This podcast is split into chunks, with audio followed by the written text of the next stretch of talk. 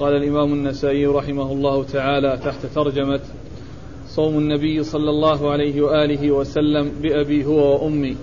قال أخبرنا إسحاق بن إبراهيم بن حبيب بن الشهيد. قال حدثنا يحيى بن يمان عن سفيان عن عاصم عن المسيب بن رافع عن سواء الخزاعي عن عائشة رضي الله عنها أنها قالت كان النبي صلى الله عليه وآله وسلم يصوم الاثنين والخميس. بسم الله الرحمن الرحيم. الحمد لله رب العالمين وصلى الله وسلم وبارك على عبده ورسوله نبينا محمد وعلى آله وأصحابه أجمعين. أما بعد فهذا الحديث حديث عائشة في بيان أن النبي صلى الله عليه وسلم كان يصوم الاثنين والخميس مر جملة من الأحاديث في ذلك أن النبي صلى الله عليه وسلم كان يتحرى صيام الاثنين والخميس. وهذا من جملة الأحاديث. وهو دال على فضل صيام هذين اليومين. وقد مر في بعض الأحاديث أن الأعمال ترفع فيهما فيقول صلى الله عليه وسلم إنه يحب أن يعرض عمله وهو صائم. صلوات الله وسلامه وبركاته عليه. وأما إسناد الحديث فيقول النسائي أخبرنا إسحاق بن إبراهيم بن حبيب بن الشهيد. أخبرنا إسحاق بن إبراهيم بن حبيب بن الشهيد وهو ثقة أخرج حديثه. أبو داود في المراسيل والترمذي والنسائي. أبو داود في المراسيل والترمذي والنسائي وابن ماجه. عن يحيى بن اليمان يحيى بن يمان وهو صدوق له ها صدوق يخطئ. صدوق يخطئ كثيرا. صدوق يخطئ كثيرا وأخرج حديثه. البخاري في الأدب المفرد ومسلم وأصحاب السنن. صدوق يخطئ كثيرا. أخرج حديثه البخاري في الأدب المفرد ومسلم وأصحاب السنن الأربعة. عن سفيان. عن سفيان وهو الثوري. سفيان بن سعيد بن مسروق. ثقة ثبت. فقيه. حجة. وصف بأنه أمير المؤمنين في الحديث. وحديثه أخرجه أصحاب الكتب الستة. عن عاصم. عن عاصم بن بهدلة. وهو ابن أبي النجود. وهو صدوق له أوهام أخرج حديثه أصحاب الكتب الستة. نعم. عن المسيب بن رافع. عن المسيب بن رافع وهو ثقة أخرج حديثه أصحاب الكتب الستة. عن سواء الخزاعي. عن سواء الخزاعي وهو مقبول أخرج حديثه. أبو داود والنسائي. أبو داود والنسائي مقبول أخرج حديثه أبو داود والنسائي. عن عائشة. عن عائشة أم المؤمنين رضي الله عنها الصديقة بنت الصديق وهي واحدة من سبعة أشخاص عرفوا بكثرة الحديث عن النبي صلى الله عليه وسلم نعم. قال أخبرني أبو بكر بن علي قال حدثنا أبو نصر التمار قال حدثنا حماد بن سلمة عن عاصم عن سواء عن أم سلمة رضي الله عنها أنها قالت كان رسول الله صلى الله عليه وآله وسلم يصوم من كل شهر ثلاثة أيام الاثنين والخميس من هذه الجمعة والاثنين من المقبلة ثم أورد النسائي حديث أم سلمة أن النبي صلى الله عليه وسلم كان يصوم ثلاثة أيام من كل شهر. الاثنين والخميس من هذه الجمعة. والاثنين والاثنين نعم والاثنين. من الجهة من الجمعة المقبلة. والمراد بالجمعة الأسبوع. المراد بالجمعة الأسبوع. الاثنين والخميس من الجمعة أي من الأسبوع. ثم الأسبوع الثاني يصوم منه الاثنين ويطلق على الأسبوع جمعة كما يطلق عليه سبت أيضا. كما جاء في الحديث فما رأينا الجمعة فما رأينا الشمس سبتا أي أسبوعا. وهنا الجمعة يراد بها الأسبوع. فكان عليه الصلاة والسلام يصوم ثلاثة أيام من كل شهر وكان يتحرى الاثنين والخميس. فيصوم الاثنين والخميس من جمعة أي أسبوع ومن الأسبوع الثاني يصوم الاثنين منه. وهو دال على فضل صيام ثلاثة أيام من كل شهر والحسنة بعشر أمثالها وهو مثل صيام الدهر لأن اليوم عن عشرة أيام فإذا صام من كل شهر ثلاثة أيام فيكون كأنه صام الدهر لأن الحسنة بعشر أمثالها.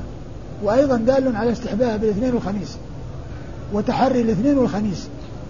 وأن النبي صلى الله عليه وسلم كان يتحرى بصيامه هذه هذين اليومين. والإسناد؟ قال أخبرني أبو بكر بن علي. أخبرني أبو بكر بن علي هو أحمد بن علي المروزي وهو ثقة أخرج حديثه النسائي وحده. عن أبي نصر التمار. عن أبي نصر التمار وهو عبد الملك بن عبد العزيز. اسمه هو اسم أبيه مثل ابن جريج. عبد الملك بن عبد العزيز. أبو نصر التمار. وهو ثقة أخرج حديثه أخرج حديثه مسلم والنسائي. أخرج حديثه مسلم والنسائي. عن حماد بن سلمة ابن دينار. حماد بن سلمة بن دينار. البصري. وهو ثقة أخرج له البخاري تعليقا ومسلم وأصحاب السنة الأربعة. عن عاصم عن سواء عن أم سلمة. عن عاصم عن سواء وقد مر ذكرهما عن أم سلمة أم المؤمنين هند بنت أبي أمية وهي وحديثها عند أصحاب الكتب الستة. قال أخبرنا زكريا بن يحيى قال حدثنا إسحاق قال أنبأنا النضر قال أنبأنا حماد عن عاصم بن أبي النجود عن سواء عن حفصة رضي الله عنها أنها قالت كان رسول الله صلى الله عليه وآله وسلم يصوم من كل شهر يوم الخميس ويوم الاثنين ومن الجمعة الثانية يوم الاثنين. ثم أورد النسائي حديث حفصة وهو مثل حديث أم سلمة. كان يصوم من الجمعة الخميس والاثنين ومن الجمعة الثانية الاثنين. يعني أسبوع يصوم منه اثنين وخميس وأسبوع يصوم منه اثنين. فيصوم من أسبوع اثنين وخميس ثم من الأسبوع الثاني الذي يليه الاثنين. وهو مثل حديث أم سلمة المتقدم. والإسناد قال أخبرنا زكريا بن يحيى. أخبرنا زكريا بن يحيى السجزي وهو صدوق. وهو ثقة. وهو ثقة أخرج حديثه النسائي وحده. عن إسحاق. عن إسحاق وهو ابن إبراهيم الحنظلي. أبو الراهوية وهو ثقة فقيه. وصف بأنه أمير المؤمنين في الحديث. وحديثه أخرجه أصحاب الكتب الستة إلا ابن ماجه. عن النضر. عن النضر بن شميل. وهو ثقة أخرج حديثه أصحاب الكتب الستة. عن حماد عن, عن عاصم. وابن سلمة عن عاصم بن أبي النجود. عن سواء عن حفصة. عن سواء وحفصة أم المؤمنين رضي الله عنها وأرضاها وحديثها عند أصحاب الكتب الستة. قال أخبرنا القاسم بن زكريا بن دينار قال حدثنا حسين عن زائدة عن عاصم عن المسيب عن حفصة رضي الله عنها أنها قالت كان رسول الله صلى الله عليه وآله وسلم إذا أخذ مضجعه جعل كفه اليمنى تحت خده الأيمن وكان يصوم الاثنين والخميس. ثم أورد النسائي حديث حفصة وفيه أن النبي صلى الله عليه وسلم كان إذا اضطجع وضع كفه اليمنى تحت خده يعني ينام على جنبه الأيمن ويضع يده اليمنى تحت خده عليه الصلاة والسلام. وكان يصوم الاثنين والخميس. وهذا مقصود من إيراد الحديث كونه يصوم الاثنين والخميس.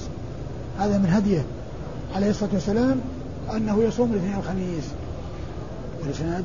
قال أخبرنا القاسم بن زكريا بن دينار. القاسم بن زكريا بن دينار وهو ثقة أخرج حديثه مسلم وأبو داود والترمذي والنسائي وابن ماجه. مسلم وأبو داود والترمذي والنسائي وابن ماجه؟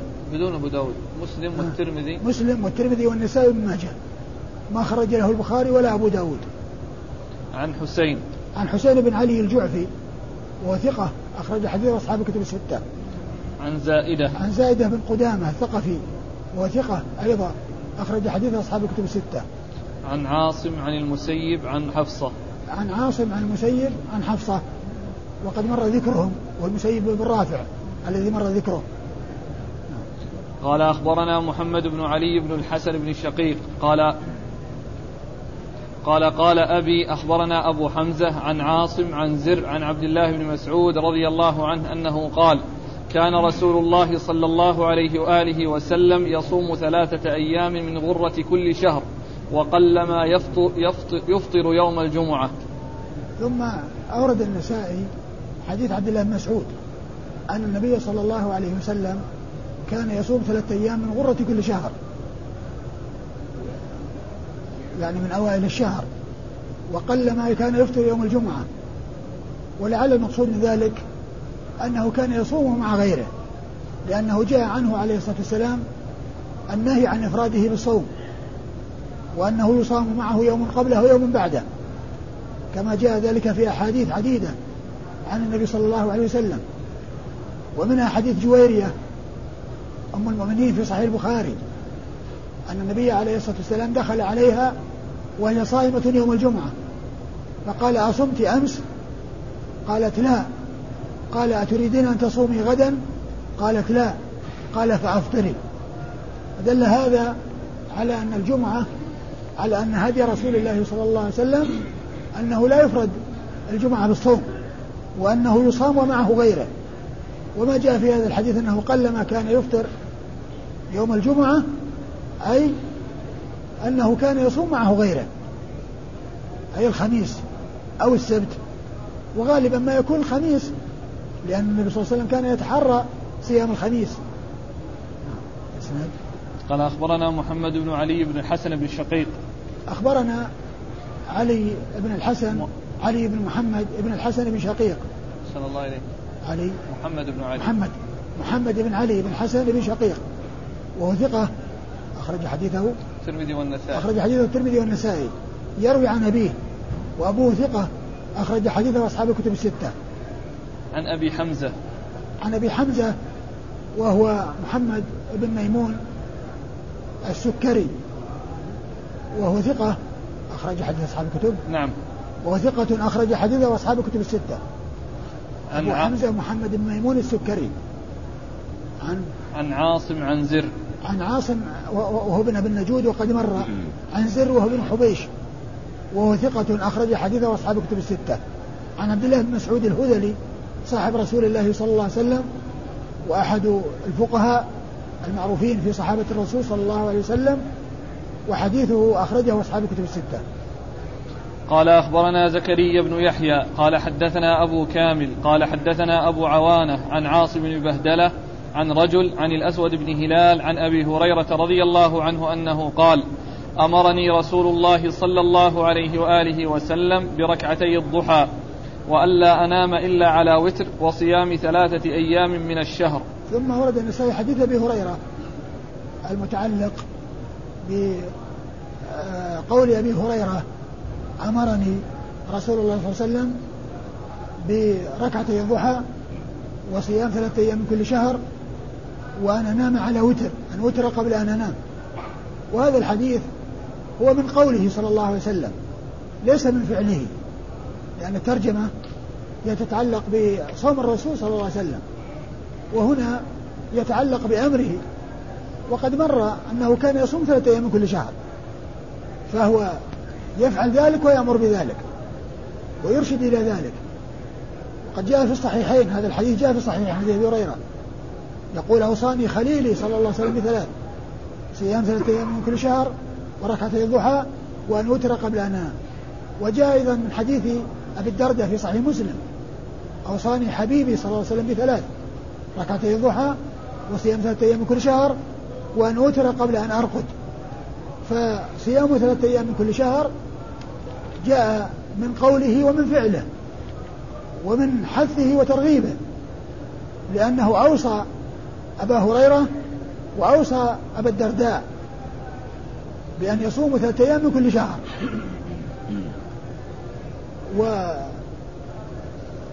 واجتمع فيه أمره وقوله وكما قلت الترجمة وهي في صوم الرسول صلى الله عليه وسلم وهي ليس فيها التنصيص على صوم الرسول. عليه الصلاة والسلام وإنما فيها التوصية. ولكن الأحاديث التي مرت فيها أنه كان يصوم ثلاثة أيام من كل شهر صلوات الله وسلامه وبركاته عليه. والإسناد؟ قال أخبرنا زكريا بن يحيى. أخبرنا زكريا بن يحيى السجزي وقد مر عن أبي كامل. عن أبي كامل وهو فضيل بن حسين الجحدري وهو ثقة أخرج حديثه مسلم. أخرج له البخاري تعليقا البخاري تعليقا ومسلم وأبو داود والنسائي. البخاري تعليقا ومسلم وأبو داود والنسائي. عن أبي عوانة. عن أبي عوانة الوضاح. بن عبد الله اليشكري. وهو ثقة متقن أخرج حديثه أصحاب الكتب الستة. عن عاصم بن بهدلة عن رجل عن الأسود بن هلال. عن عاصم بن بهدلة عن رجل. والرجل هو غير معروف غير مسمى مبهم. لكن الحديث ورد في الصحيحين عن أبي هريرة وفيه هذه الأمور الثلاثة فالحديث صحيح وقد ثبت عن رسول الله صلى الله عليه وسلم في الصحيحين من حديث أبي هريرة وهو مشتمل على هذه الأمور الثلاثة. عن أبي هريرة عبد الرحمن بن صخر. قبله الأسود بن هلال. عن الأسود بن هلال وهو ثقة أخرج حديثه أصحاب الكتب الستة. أخرج له ليس هو المحاربي؟ إلا المحاربي نعم. أخرج له أبو البخاري ومسلم وأبو داود والنسائي. البخاري ومسلم وأبو داود والنسائي؟ نعم. ما أخرج له الترمذي ولا ابن ماجه؟ أخرج حديثه البخاري ومسلم والترمذي والنسائي. وأبو داود. وأبو داود والنسائي. ما أخرج حديثه الترمذي ولا ابن ماجه. تأكد. عن أبي هريرة عبد الرحمن بن صخر الدوسي صاحب رسول الله صلى الله عليه وسلم وأكثر أصحابه حديثا على الإطلاق رضي الله عنه وأرضاه. قال أخبرنا قتيبة قال حدثنا سفيان عن عبيد الله أنه سمع ابن عباس رضي الله عنهما وسئل عن صيام عاشوراء قال ما علمت النبي صلى الله عليه وآله وسلم صام يوما يتحرى فضله على الأيام إلا هذا اليوم يعني شهر رمضان ويوم عاشوراء. ثم أورد النسائي حديث من؟ صحابي؟ ابن عباس. حديث ابن عباس رضي الله عنهما. أنه قال ما رأى النبي صلى الله عليه وسلم صام يوما يتحرى صيامه يعني آه، آه، يتحرى صيامه لفضله إلا شهر رمضان وعاشوراء يعني هذا اليوم اللي هو عاشوراء يعني آه، رمضان فرض وعاشوراء من من آكد صيام التطوع. وايش الإسناد؟ اسناد قال أخبرنا قتيبة أخبرنا قتيبة بن سعيد بن جميل بن طريف البغلاني ثقة ثبت أخرج له أصحاب الكتب الستة. عن سفيان عن سفيان وهو بن عيينة سفيان هو بن عيينة المكي ثقة أخرج حديث أصحاب الكتب الستة. عن عبيد الله عن عبيد الله وهو بن أبي, بن أبي يزيد المكي وهو ثقة كثير الحديث أخرج له أصحاب كتب الستة. عن ابن عبد عبيد الله بن أبي يزيد المكي. ثقة كثير الحديث أخرج له أصحاب كتب الستة. عن ابن عباس ابن عم رسول الله صلى الله عليه وسلم وأحد العباد الأربعة وأحد السبعة المعروفين بكثرة الحديث عن النبي صلى الله عليه وسلم. وهذا الإسناد من رباعيات النسائي لأنه من أعلى الأسانيد عنده لأن بين النساء وبين رسول الله عليه الصلاة والسلام أربعة أشخاص. قتيبة والزهري قتيبة وسفيان بن عيينة والزهري وعبيد الله. وعبيد الله نعم. وعبيد الله بن أبي يزيد وابن عباس أربعة أشخاص. وهذا أعلى وهذا من أعلى الأسانيد عند النسائي لأنه ليس عنده ثلاثيات ما عنده إلا الرباعيات وهذا منها. قال أخبرنا قتيبة عن سفيان عن الزهري عن حميد بن عن حميد بن عبد الرحمن بن عوف أنه قال سمعت معاوية رضي الله عنه يوم عاشوراء وهو على المنبر يقول يا أهل المدينة أين علماؤكم؟ سمعت رسول الله صلى الله عليه وآله وسلم يقول في هذا اليوم إني صائم فمن شاء أن يصوم فليصم. ثم ورد النسائي حديث معاوية رضي الله عنه المتعلق بيوم عاشوراء. وأنه قال أنه سمع رسول الله يقول في ذلك اليوم إني صائم. فمن شاء أن يصوم فليصم. فمن شاء أن يصوم فليصم. فمن شاء نعم. فمن شاء أن يصوم فليصم. فمن شاء أن يصوم فليصم. يعني هذا حديث الرسول صلى الله عليه وسلم. يقول إني صائم فمن شاء أن يصوم فليصم. وهذا يدل على فضل صيام هذا اليوم اللي هو يوم عاشوراء. وقول معاوية رضي الله عنه أين علماؤكم؟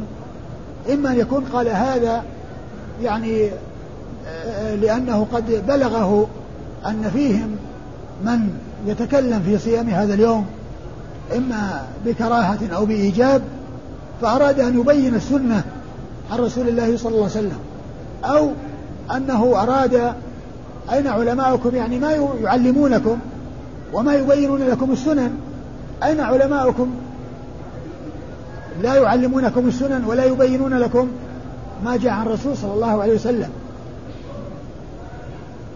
نعم والإسناد؟ قال أخبرنا قتيبة عن سفيان عن الزهري.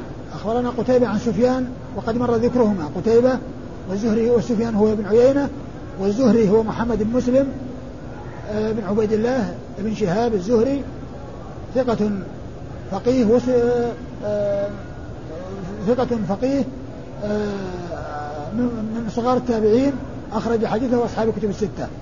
عن حميد بن عبد الرحمن عن حميد بن عبد الرحمن بن عوف وهو ثقة أخرج حديثه أصحاب الكتب الستة. عن معاوية عن معاوية بن أبي سفيان رضي الله تعالى عنه وأرضاه وحديثه أخرجه أصحاب الكتب الستة.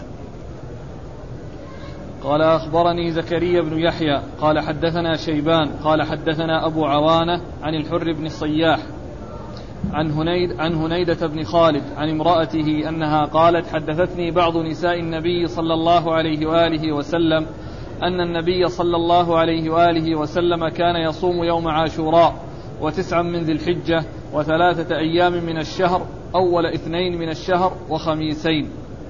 ثم أورد النسائي الحديث حديث بعض أزواج النبي صلى الله عليه وسلم وقد جاء في بعض الطرق أنها أم سلمة.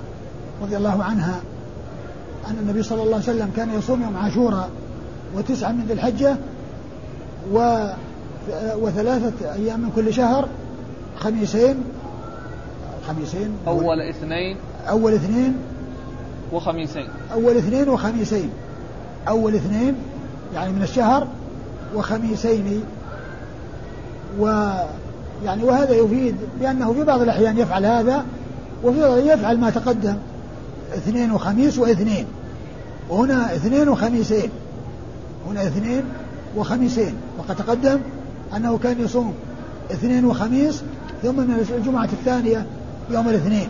فهذا يفيد أنه أحيانا يفعل كذا وأحيانا يفعل كذا. وفيه أيضا صيام تسعة ذي الحجة وهي التسع الأولى التي لها شأن عظيم ولها فضل. قد قال النبي صلى الله عليه وسلم في شأنها ما من أيام العمل الصالح فيهن أحب الله من هذه الأيام العشر. قالوا والجهاد في سبيل الله. قال والجهاد في سبيل الله إلا رجل خرج بنفسه وماله ثم لم يرجع من ذلك بشيء. والحديث في صحيح البخاري. وهنا فيه أن من الأعمال التي تعمل في تلك العشر أن تصام التسع التي آخرها يوم عرفة. وكذلك في صيام عاشوراء. وقد مر في بعض الأحاديث. والإسناد؟ قال أخبرنا زكريا بن يحيى زكريا بن يحيى السجزي مر ذكره. عن شيبان. عن شيبان وهو بن عبد الرحمن التميمي النحوي. وليس منسوبا إلى النحو وإنما منسوب إلى جماعة أو قبيلة يقال لهم نحوة. والمتبادر إلى الذهن أنه ينسب إلى النحو إلى علم النحو ولكنه ينسب إلى قبيلة. وهو ثقة أخرج له أصحاب الكتب الستة. يعني ليس هو شيبان بن فروخ لا. شيبان بن عبد الرحمن. يعني ذكروا في الذي في تحفة الإشراف أو كذا شيبان بن عبد الرحمن. أخرج له أصحاب الكتب الستة. لأن أحسن الله إليك. هذا شيبان عبد الرحمن طبقته نازلة. ها؟ طبقته نازلة. من هو؟ هو هذا شيبان بن عبد الرحمن. أما شيبان بن فروخ شوف طبقته كم؟ طبقته في, في السابعة شيبان. شيبان بن عبد الرحمن التميمي مولاهم النحوي. أيوه. قال من السابعة النحوي. أيوه. وهو الآن السابعة أي نعم. وهذا من هو؟ وأما شيبان بن فروخ فقال أنه من صغار التاسعة. وهو الآن في ط... من شيوخ شيوخ النسائي. الآن من هو التلميذ؟ من هو؟ شيخ الإسناد قال النسائي أخبرنا زكريا بن يحيى آه. عن شيبان. شيبان هكذا؟ أي نعم. إيه. ما أدري إن كاني رأيت يعني في لكن متى توفي قال؟ أيهما؟ لا ابن شيبان بن فروخ. ابن ابن عبد الرحمن. شيبان بن عبد الرحمن مات سنة 64 وهو من السابعة. إذا 164 64 إيه. إيه لا شك أنه ما يصير هو. أقول ما يصير هو لازم. وأما الثاني؟ طبعا ما يصير هو لأن لأن زكريا متأخر من طبقة ثانية عشر. زكريا زكريا بن يحيى من الطبقة الثانية عشر. ما يدركه لكن كأنني رأيت آه، أن في تحت الإشراف وكذا لكن آه، آه، لا شك أن هذا ما يكون صحيح أبدا. ولأن ما دام أنه هو 64 إيه؟ طبعا ما يدركه أبدا ولا ي... أبدا ما يدركه أبدا. شيبان وزكريا بن يحيى من طبقة ثانية عشر. إذا شيبان فروخ لا شك. ولأن الذي شيخه هنا أبو عوانة. اي نعم. وأبو عوانة من السابعة. نعم. شيبان متى توفي زكريا بن يحيى؟ شيبان فروخ من شيوخ مسلم.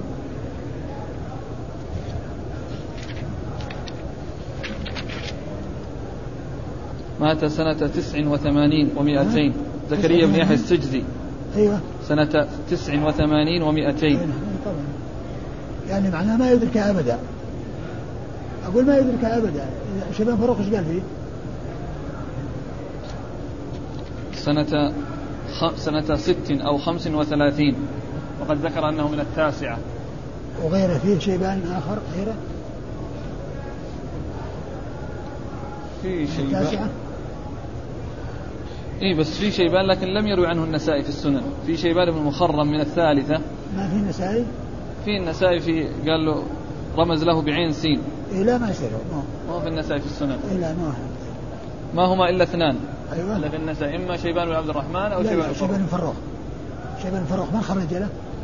مسلم وأبو داود والنسائي. شيبان بن فروخ أخرج له مسلم وأبو داود والنسائي. وليس شيبان بن عبد الرحمن. وهو هو صدوق يهم. صدوق يهم؟ إيه؟ صدوق يهم. وهو من شيوخ مسلم هو. شيبان بن فروخ. عن أبي عوانة. عن أبي عوان الوضاح بن عبد الله اليشكري مر ذكره. عن الحر بن صياح. عن الحر بن صياح وهو وهو ثقة أخرج له أبو داود والترمذي والنسائي. وهو ثقة أخرج له أبو داود والترمذي والنسائي. عن هنيدة بن خالد. عن هنيدة بن خالد وهو معدود في الصحابة. وحديثه أخرجه أبو داود والنسائي. عن امرأته. عن امرأته ولا يعرف اسمها كما قال الحافظ بن حجر وهي صحابية. أخرج حديثها أبو داود والنسائي. عن بعض أزواج النبي صلى الله عليه وسلم وجاء في بعض الروايات أنها أم سلمة وقد مر ذكرها. وعلى هذا الحديث من رواية ثلاثة من الصحابة هنيدة وزوجته وأم المؤمنين أم سلمة. قال ذكر الاختلاف على عطاء في الخبر فيه. قال أخبرني حاجب بن سليمان. قال حدثنا الحارث بن عطية. قال حدثنا الأوزاعي عن عطاء بن أبي رباح عن عبد الله بن عمر رضي الله عنهما أنه قال قال رسول الله صلى الله عليه وآله وسلم من صام الأبد فلا صام. ثم ورد النسائي آه ذكر الاختلاف على عطاء. عطاء فيه. معلوم أن أن مثل هذا يصلح إذا كان في الباب أو تابع للباب الذي قبله. والباب الذي قبله لا علاقة له بهذه الأحاديث التي ستأتي. لأن الباب الأول في صيام الرسول صلى الله عليه وسلم. والأحاديث التي تأتي في صيام الأبد. في صيام الأبد. فيبدو أن الترجمة ساقط منها شيء. وهي مثل الترجمة التي بعدها. النهي عن صيام الأبد وذكر, وذكر الاختلاف على عطاء فيه والضمير فيه يرجع إلى صيام الأبد إلى هذا المحذوف. فالترجمة مثل الترجمة التي بعدها النهي عن صيام الدهر وذكر الاختلاف على فلان فيه وهنا النهي عن صيام الأبد والأبد هو الدهر. لكن النسائي جعل البابين من أجل وجود اللفظين. وهذه طريقة النسائي أحيانا يعقد الباب من أجل اللفظ الذي جاء فيه وإن كان الكل يدخل تحت الدهر وكل يدخل تحت الأبد لا الأحاديث التي تحت الدهر ولا الأحاديث التي تحت الأبد. لكنه رحمة الله عليه طريقته أنه إذا كان اللفظ فيه اختلاف فإنه يبوب لللفظ الذي جاء مخالفا. وعلى هذا فالترجمة فيها نقص. ولا يصلح أن تكون تابعة للباب الذي قبلها. لأن الباب الذي قبلها من الرسول صلى الله عليه وسلم. وهنا لا علاقة له بصوم الرسول وإنما هو بصوم الأبد. كل الأحاديث اللي فيه بصيام الأبد. ثم جاء بعده النهي عن صيام الدهر والأحاديث اللي فيها ذكر الدهر. وعلى هذا فالترجمة يعني يبدو أنها النهي عن صيام الأبد وذكر الاختلاف على عطاء فيه يعني في صيام الأبد. يعني مرجع الضمير مو موجود. مرجع الضمير مو موجود. ولو كان أنه يعني يتعلق بالباب الأول كان يرجع إلى صوم الرسول صلى الله عليه وسلم. ولا علاقة لهذه الترجمة بصوم الرسول صلى الله عليه وسلم وإنما هي تتعلق بصوم الأبد وهي مثل الترجمة التي بعدها تماما. ولهذا أقول يمكن أن الترجمة مثل الترجمة.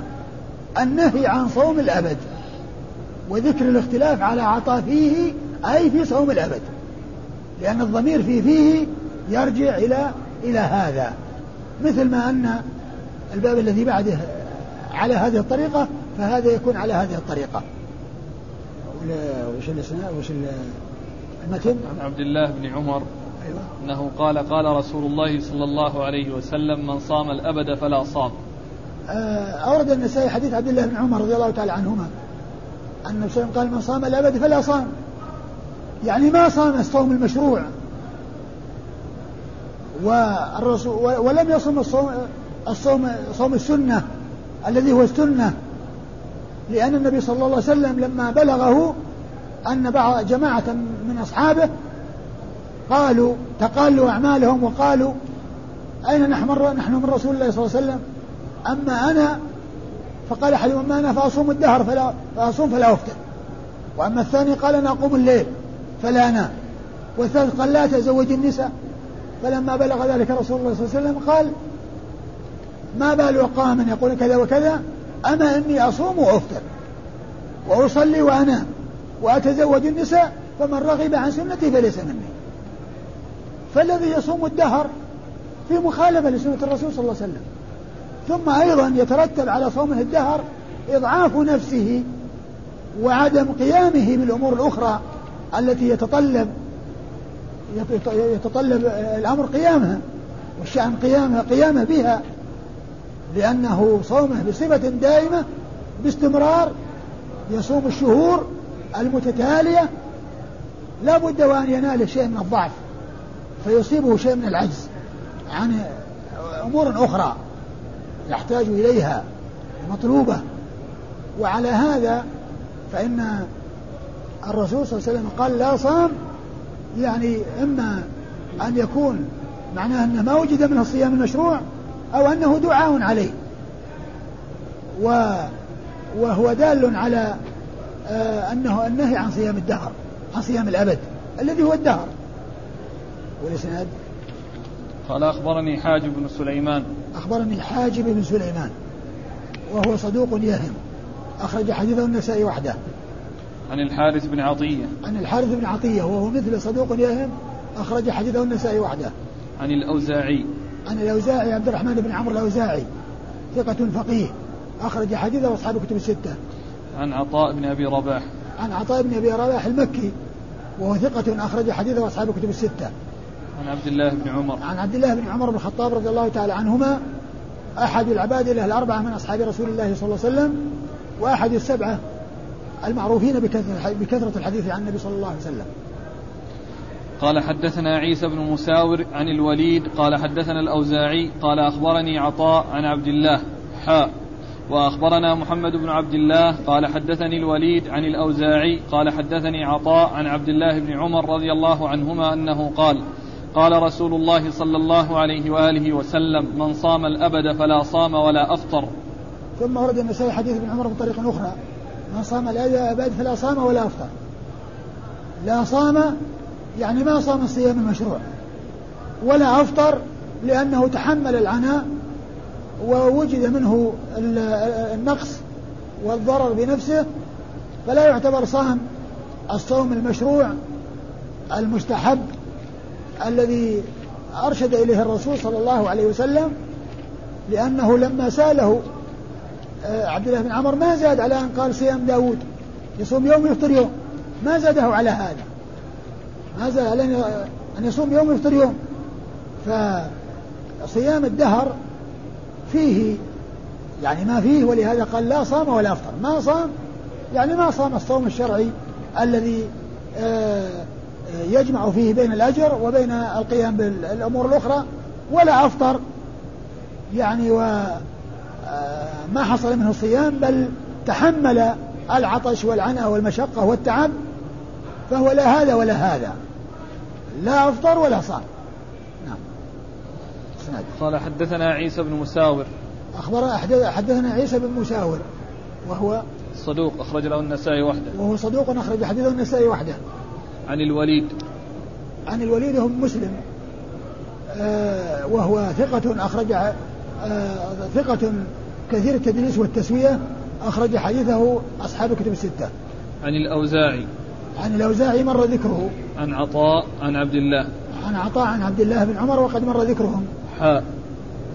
ثم قال حاء تحويل من إسناد إلى إسناد. أخبرنا محمد بن عبد الله وهو ابن المبارك المخرمي وهو ثقة أخرج حديث البخاري وأبو داود والنسائي. صلى الله عليك في تحفة الأشراف قال محمد بن عبد الله البغدادي. البغدادي. نعم. وهو المخرمي هو نفس البغدادي. المخرمي البغدادي. طيب في واحد آخر. من هو؟ وهو محمد بن عبد الله بن ميمون الإسكندراني البغدادي الأصل. البغدادي الأصل؟ نعم. ها. وبعدين؟ صدوق البغدادي الأصل إيش؟ بس محمد بن عبد الله بن ميمون الإسكندراني أبو بكر بغدادي الأصل صدوق من صغار العاشرة متى توفي؟ مات سنة 62 حتى ذاك بغدادي لكن يحتاج إلى معرفة أيهما يعني وذلك ب آه، من الشيخ إيش اسمه يا شيخ؟ من الشيخ؟ عن الوليد عن الوليد. الأول ما من هو يا شيخ؟ ها؟ الأول الذي ذكرت. المخرم البخاري وأبو داود النسائي. لا محمد بن عبد الله المخرم. ابن مبارك المخرمي البغدادي وقد أكثر عن النسائي مر بنا كثيرا.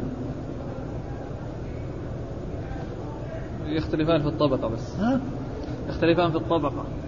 إيش؟ يختلفان في الطبقة. المخرمي أعلى طبقة. لكن من شيوخ النسائي نعم نعم.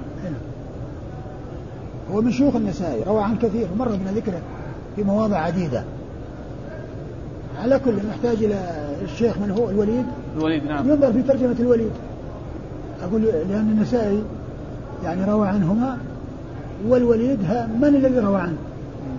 يعني بذلك يعرف أيهما. أو أو يبقى الاحتمال على ما هو عليه إن كانهم روى عنه جميعا. نعم. عن الوليد عن الأوزاعي عن عطاء عن عبد الله. عن الأوزاعي عن عطاء عن عبد الله وقد مر ذكرهم جميعا. قال أخبرنا العباس بن الوليد قال حدثنا أبي قال حدثنا أبي وعقبة عن الأوزاعي قال حدثني عطاء قال حدثني من سمع ابن عمر يقول قال النبي صلى الله عليه وآله وسلم من صام الأبد فلا صام. ثم ورد النسائي حديث ابن عمر من طريق أخرى وفيها من صام الأبد فلا صام. وهو مثل الطريقة الأولى السابقة. وكل هذه الأحاديث بلفظ الأبد. مما يشعر بأن الترجمة هي تتعلق بالأبد. والترجمة والإسناد. أخبرنا العباس بن الوليد. أخبر العباس بن الوليد بن مزيد. وهو صدوق أخرج له أبو داود والنسائي. وهو صدوق أخرج حديثه أبو داود والنسائي. عن أبيه الوليد بن مزيد. وهو ثقة أخرج له أبو داود والنسائي. نعم. ثقة أخرج حديثه أبو داود والنسائي. وعقبة. وعقبة بن علقمة. وهو إيش؟ صدوق أخرج له النسائي وابن ماجه. وهو صدوق أخرج حديثه النسائي وابن ماجه. عن الأوزاعي عن عطاء عمن سمع ابن عمر. عن عطاء عمن سمع ابن عمر. يعني أب يعني فيه واسطة. وسبق أن مر في الطرق المتقدمة عن عطاء أنه يروي عن عبد الله بن عمر. فلا أدري من هي هذه الواسطة. قال أخبرنا إسماعيل بن يعقوب قال حدثنا محمد بن موسى قال حدثنا أبي عن الأوزاعي عن عطاء قال حدثني من سمع ابن عمر أن النبي صلى الله عليه وآله وسلم قال من صام الأبد فلا صام. ثم ورد نسي حديث ابن عمر وهو مثل ما تقدم. من صام الأبد فلا صام. والترجمة والإسناد أخبرنا إسماعيل بن يعقوب. أخبرنا إسماعيل يعقوب. أخبرنا إسماعيل بن يعقوب ويش قال له؟ الصبيحي. الصبيحي نعم. إسماعيل بن يعقوب الصبيحي وهو ثقة أخرج له النسائي وحده وهو ثقة أخرج الحديث النسائي وحده. عن مح- عن؟ محمد بن موسى. عن محمد بن موسى بن أعين وهو صدوق أخرج له البخاري والنسائي. أخرج وهو ثقة؟ صدوق. صدوق. صدوق أخرج الحديث البخاري والنسائي. عن عن- أبيه موسى بن أعين وهو ثقة أخرج له من؟ أخرج له أصحاب الكتب ما عدا الترمذي. نعم وهو ثقة أخرج حديث أصحاب الكتب الستة إلا الترمذي. عن عن نعم. ما كيف؟ كل اللي راح ما سمعته؟ ها؟ أيوه. نعم. عن الأوزاعي عن عطاء عمن سمع ابن عن عمر الأوزاعي عن عن- الأوزاعي عمن سمع عن- عطاء.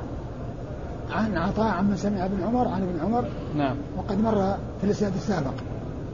قال أخبرنا أحمد بن إبراهيم بن محمد قال حدثنا ابن عائل قال حدثنا يحيى عن الأوزاعي عن عطاء أنه حدثه قال حدثني من سمع عبد الله بن عمرو بن العاص أنه قال قال رسول الله صلى الله عليه وآله وسلم من صام الأبد فلا صام ولا أفطر. ثم ورد النسائي حديث عبد الله بن عمرو العاص رضي الله عنهما وهو مثل حديث ابن عمر المتقدم في بعض طرقه من صام الأبد فلا صام ولا أفطر. والطرق السابقة عن ابن عمر وهذه الطريق والتي بعدها عن عبد الله بن عمر. والإسناد قال أخبرنا أحمد بن إبراهيم بن محمد أخبرنا أحمد بن إبراهيم بن محمد وهو صدوق أخرج له النسائي وحده صدوق أخرج حديثه النسائي وحده. عن ابن عائد عن ابن عائذ محمد بن عائذ وهو صدوق أخرج له أبو داود والنسائي. وهو صدوق أخرج حديثه أبو داود والنسائي. عن يحيى. عن يحيى وهو بن يزيد. ال- بن يزيد ليش؟ اللي عندي يحيى بن حمزة الحضرمي. يحيى بن حمزة نعم. يحيى بن حمزة يحيى بن حمزة الحضرمي. أيوه هنا من الحضرمي نعم أيوه. ثقة أخرج له أصحاب الكتب. ثقة يحيى بن حمزة يحيى بن حمزة أخرجه ثقة أخرج له أصحاب الكتب الستة. عن الأوزاعي عن عطاء عمن سمع عبد الله بن عمرو. عن الأوزاعي عن عطاء عمن سمع عبد الله بن عمر الذي سمع هو جاء في الإسناد الذي بعده. الواسطة بين عطاء وبين عبد الله بن عمر هو أبو العباس ال- الشاعر. أبو العباس الشاعر في الإسناد الذي بعده. فالرجل المبهم هنا قد سمي في الإسناد الذي وراءه وهو أبو العباس وهو ثقة أخرج له أصحاب الكتب. أبو العباس الشاعر أبو العباس؟ محمد بن محمد بن نعم. ميمون اسمه أبو؟ أبو العباس السائب بن فروخ. السائب بن فروخ نعم. السائب بن فروخ أخرج له أصحاب الكتب. وهو ثقة أخرج له أصحاب الكتب الستة. هذا هو المبهم جاء مسمى في الإسناد الذي يليه. عن عبد الله بن عمرو العاص وهو صاحب رسول الله صلى الله عليه وسلم أحد العبادلة الأربعة من أصحاب رسول الله صلى الله عليه وسلم ورضي الله تعالى عنه وعن أبيه وعن الصحابة أجمعين. نعم. قال أخبرنا إبراهيم بن الحسن قال حدثنا حجاج بن محمد قال ح... قال قال ابن جريج سمعت عطاء أن أبا العباس الشاعر أخبره أنه سمع عبد الله بن عمرو بن العاص رضي الله عنهما أنه قال بلغ النبي صلى الله عليه وآله وسلم أني أصوم بلغ النبي صلى الله عليه وآله وسلم أني أصوم أسرد الصوم وساق الحديث. قال قال عطاء لا أدري كيف ذكر صيام الأبد لا صام من صام الأبد. ثم آه، أورد النسائي حديث آه، عبد الله بن عمرو العاص بطريقة أخرى وهو مثل الذي قبله يعني وكان سببه أنه بلغه أنه يسرد الصوم وأنه قال يعني لا صام من صام الأبد. لا أدري كيف قال في في صيام الأبد لا صام من صام الأبد يعني كأن فيه تردد في شيء وقد مر في الطريقة السابقة التصريح بأنه قال لا صام من صام الأبد أو لا صام ولا أفطر. اللي هنا؟ اللي قبله. لا صام ولا أفطر. لا ص... فلا صام ولا أفطر. لا صام ولا أفطر. أي نعم. وهنا قال لا أدري ماذا قال في صيام الأبد لا صام لا صام من صام الأبد. هنا. لا صام من صام الأبد؟ نعم. لا صام من صام الأبد. أيوة. قال أخبرنا إبراهيم بن الحسن. إبراهيم بن الحسن المصيصي وهو ثقة أخرج حديثه النسائي وحده. أبو داود والنسائي. أبو داود والنسائي. عن حجاج بن محمد المصيصي وهو ثقة أخرج له أصحاب الكتب الستة. عن ابن جريج وعبد الملك بن عبد العزيز بن جريج المكي ثقة يدلس ويرسل وحديثه أخرجه أصحاب الكتب الستة. عن عن عطاء عن أبي العباس. عن عطاء عن أبي العباس عن عبد الله بن عمر وقد مر ذكرهم. والله تعالى أعلم وصلى الله وسلم وبارك على عبده ورسوله نبينا محمد وعلى آله وأصحابه أجمعين.